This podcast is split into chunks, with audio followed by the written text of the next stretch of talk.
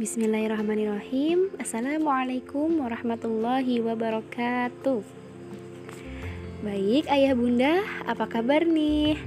Saya doakan semoga ayah dan bunda selalu dalam keadaan sehat walafiat Sehingga ayah dan bunda bisa selalu belajar, menuntut ilmu dan saling berbagi dengan kita semua. Baik, ayah dan bunda pernah nggak sih melihat anak ayah dan bunda kecewa begitu? Nah, ayah, bunda, ternyata kecewa itu tidak hanya timbul pada hati orang dewasa ya, tapi anak-anak pun bisa merasakan yang namanya kecewa. Nah, kalau gitu bagaimana sih kecewanya anak-anak? Hmm, misal nih bun, pernah nggak bun? Kita itu lihat anak kita lagi asyik-asyiknya main sepak bola. Tiba-tiba di tengah-tengah hujan deras dan di tengah keasikan mereka mereka harus menghentikan bermain sepak bolanya. Nah kemudian ada contoh lain nih. Misalkan hari itu kita berniat mau pergi ke pantai tapi tiba-tiba sang ayah nih ada urusan di kantor sehingga tidak jadi berangkat berlibur atau ada juga nih bun yang agak remeh sih kalau misalkan kita pergi ke supermarket tiba-tiba es krim yang rasanya paling disukai oleh anak kita tidak ada atau sudah habis terjual. Nah, itu adalah contoh-contoh kekecewaan yang dirasakan oleh anak, khususnya anak usia dini begitu. Nah, sedih ya Bun kalau kita udah melihat anak kita itu uh, sedang kecewa gitu hati orang tua mana sih yang nggak sedih? Pasti kita tuh rasanya pokoknya pengen langsung segera menepis rasa kecewa anak. Nah nggak jarang tuh orang-orang gak jarang tuh orang tua melakukan segala hal yang sehebat-hebatnya cara untuk meredakan kecewa si anak supaya anak tidak merasa kecewa. Nah, saya itu saya pun merasa begitu, Bu waktu meskipun saya juga ngasuhnya bukan anak kandung ya hanya anak asuh tapi saya juga rasanya tuh nggak pengen banget lihat anak saya tuh kecewa. Pokoknya selalu merasa bersalah kalau lihat anak saya tuh sampai kecewa gitu. Apalagi anak-anak bunda ya yang anak kandung begitu. Masya Allah itu nah tapi bun ternyata kalau kita itu terlalu melindungi rasa kecewa yang ada pada diri anak itu bisa menimbulkan banyak dampak negatif loh Bu. Bahkan suatu hari Bun saya pernah membaca sebuah pepatah, bukan pepatah juga sih sebuah nasihat kan yang isinya tuh begini. Jangan pernah orang tua melindungi anaknya dari berbagai kekecewaan karena sikap kita yang melindungi anak dari kekecewaan tersebut membuat anak itu tidak bisa menerima kekecewaan yang akan mereka dapatkan di kemudian hari. Begitu bun. Ternyata melindungi kecewa rasa kecewa anak itu berbahaya untuk pertumbuhan psikologis anak di masa depan. Masya Allah ya. Jadi apa dong yang harus kita lakukan ya? Supaya uh, ketika anak merasa kecewa kita tidak salah kaprah menyikapinya. Bagaimana ya caranya hmm, yang jelas kita harus membantu sih membantu anak supaya dia bisa bertahan di rasa kecewa tersebut. Kemudian kita juga bisa nih uh, mengajak anak mengatasi masalahnya dengan cara dia diajak diskusi nih harusnya gimana nih? Kok misalkan kayak gini menurut kamu kayak gimana deh kayak gitu ya. Nah yang penting kita juga harus mengarahkan perasaan kecewa anak ke hal yang positif. Kita aja yang orang dewasa sering ngerasain kecewa aja kita suka bingung harus kayak gimana. Kadang kita nggak ke kontrol tiba-tiba melakukan hal yang tidak positif. Apalagi anak jadi anak memang harus butuh diarahkan. Dan yang paling penting bun anak tidak merusak barang-barang di sekitarnya menyakiti orang lain atau bahkan yang paling parah hingga menyakiti dirinya sendiri jangan sampai ya begitu nah ternyata kalau misalkan kita nih melindungi anak dari kekecewaan itu dampaknya dampak negatifnya sangat banyak salah satunya atau salah beberapanya ada uh, anak kemudian bisa mudah tantrum, temper tantrum atau mudah marah. Jadi anak tuh sedikit-sedikit marah. Kalau kecewa yang diinginkannya tidak ada, dia sedikit-sedikit marah. Nah, gitu kadang seorang ayah atau bundanya juga tidak bisa mengelola emosi. Malah ketika anaknya tantrum, orang tuanya ikut tantrum atau ikut emosi kayak gitu ya. Adik tuh jangan nangis, ini kita lagi di supermarket. Jangan seperti itu ya bun ya.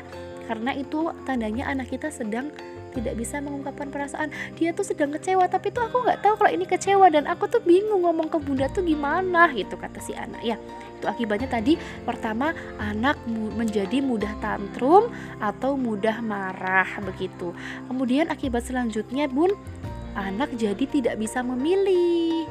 Nah karena dia ini kecewa pengennya A ya A. Padahal ada opsi B ada opsi C. Dia tidak mau memilih opsi B tidak mau memilih opsi C. Nah khawatirnya anak itu tidak bisa memilih sampai mereka dewasa. Padahal kalau dewasa kan kita dihadapkan ya dengan banyak pilihan begitu. Kemudian akibat selanjutnya adalah tidak bisa memecahkan masalah ya kan? Kalau misalkan anak memilih aja nggak bisa apalagi memecahkan masalah dia pasti gedenya bakal bingung nih. Kalau misalkan ada masalah A, B, C dia uh, bingung solusinya seperti apa. Kemudian yang selanjutnya anak bisa menjadi pribadi yang egois bun atau egosentris bersifat egosentris. Jadi dia itu susah susah menerima pendapat orang lain karena dia itu menganggap dirinya adalah center of universe atau dia itu apa ya kayak aku tuh pusat perhatian jadi nggak boleh ada yang perhatian ke orang lain. Pokoknya harus perhatian ke aku gitu. Karena apa?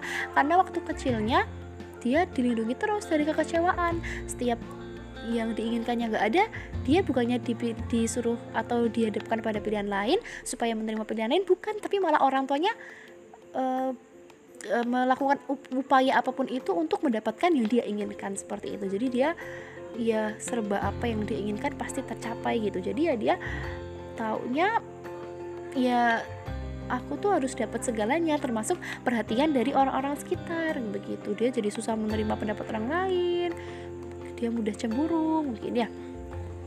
Itu kemudian dia juga akan menjadi ketergantungan bun. Nah misalkan nih aku udah terbiasa apa-apa terpenuhi sama bunda sama ayah begitu. Jadi ketergantungan sama bunda sama ayah kalau misalkan yang diinginkannya tidak ada ya itu mereka jadi tantrum jadi harus bunda harus bisa harus serba bunda harus serba ayah. Pokoknya harus bisa diwujudin dengan adanya bunda dan ayah tuh harus bisa mewujudkan apa yang diinginkan seperti itu. Kemudian anak juga menjadi kurang bahagia bun ketika dia tadi menjadi pusat perhatian pengennya tapi ternyata nyatanya enggak gitu. Anak akan menjadi susah bahagianya. Kemudian dia juga akan kurang bisa menerima orang lain. Terus kemudian dia hmm, mungkin sering iri sama orang lain gitu kan. Sungguh sikap-sikap seperti itu kan menjauhkan kita dari bahagia kan? Jadi kasihan ya sebetulnya kalau anak kurang bahagia.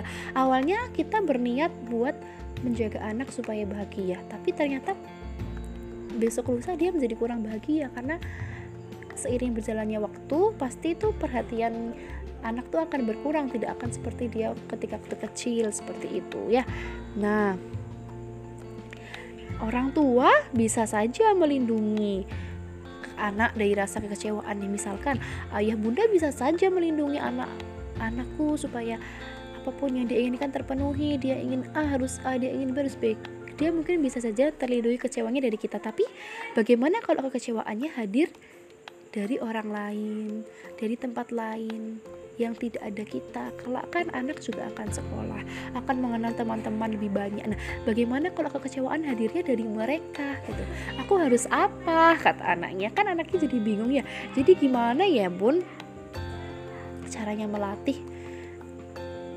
Melatih dan mengenalkan anak apa itu kecewa itu kan perlu ya berarti. Nah itu bagaimana ya caranya supaya anak itu kalau ini rasanya kecewa kemudian anak terlatih dengan rasa kecewa supaya dia tidak kaget dengan kekecewaan kekecewaan yang berikutnya nah di sini saya ada beberapa tips untuk mengenalkan dan melatih anak dari rasa kecewa. Nah, ini semua dilakukan demi masa depan anak yang baik ya.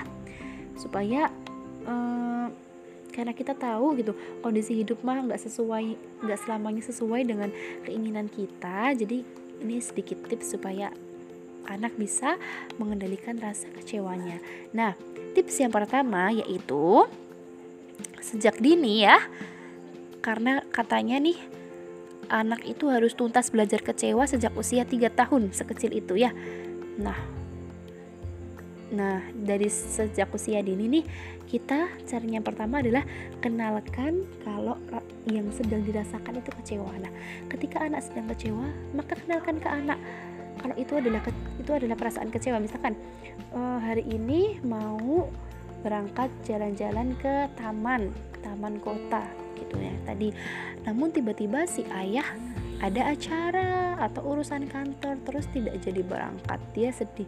Orang tua sebaiknya mengenalkan kepada anak bahwa rasa tersebut adalah rasa kecewa. Rasa kecewa tidak hanya dirasakan kamu saja kok dek tapi semua orang bisa merasakan kecewa kecewa itu biasanya karena keinginan kita tidak terpenuhi tapi tidak apa-apa begitu karena kita masih punya pilihan yang lain seperti itu Nah, kita kenalkan ini rasanya namanya kecewa. Adik boleh kecewa tapi tidak boleh lama-lama karena kita punya tips yang kedua yaitu beri opsi lain ya. Tadi ya, kita harus memberikan opsi lain atau alternatif lain gitu. Misalkan kita nggak jadi ke taman nih, Dek, tapi kita bisa loh hari ini kita tidak dengan ayah, kita bisa pergi ke mana gitu. Misalkan ke kan tadi mau ke taman kota, kita bisa bermain uh, di taman kompleks atau kita bisa beli es krim di Indomaret kayak gitu. Kita beri opsi lain supaya anak juga bisa merasa bahagia. Nah bisa juga nih pun tips selanjutnya adalah kita harus membiasakan anak menjadi anak yang kreatif gitu. Dari opsi lain tadi anak yang disuruh milih misalkan e, kamu mau ke mana? Boleh deh dipilih sama adek gitu. Nah jadi dia kreatif. Meskipun dia pengen ke taman kota di sini dia belajar supaya dia bisa menyelesaikan masalah supaya dia bisa memilih kan gitu. Jadi misalkan dia oke okay, bunda aku nggak apa-apa deh nggak ke taman kota tapi aku pengen beli es krim rasa stroberi tiga di Indomaret gitu. Boleh nanti anak disuruh milih. Nah gitu Kemudian yang terakhir beri ke penegasan kepada anak bahwa misalkan tadi ternyata dek, contohnya gini, ternyata dek nggak ke taman kota tapi bisa beli es krim juga seru kan gitu. Kita juga bisa senang kok dengan makan es krim gak harus ke taman kota ke taman kotanya lain kali ya begitu. Jadi ditegaskan bahwa opsi lain juga menyenangkan seperti itu ya.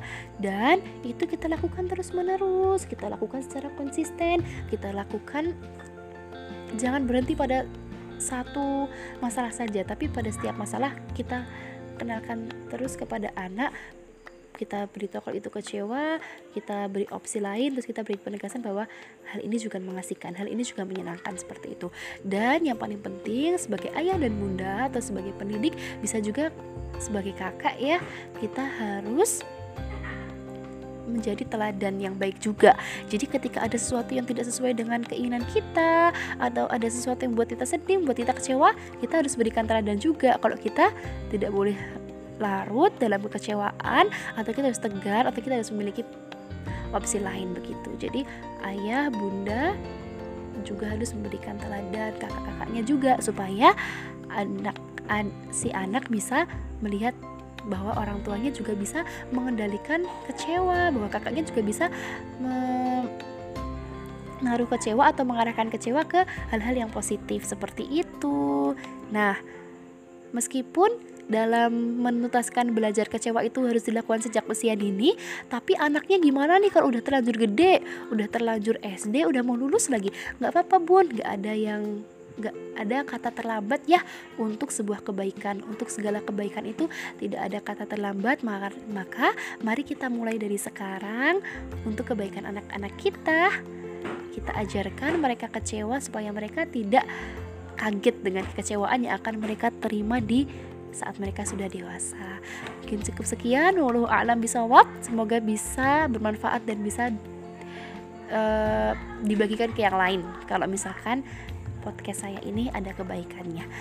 Cukup sekian ayah dan bunda, selamat beristirahat. Wassalamualaikum warahmatullahi wabarakatuh.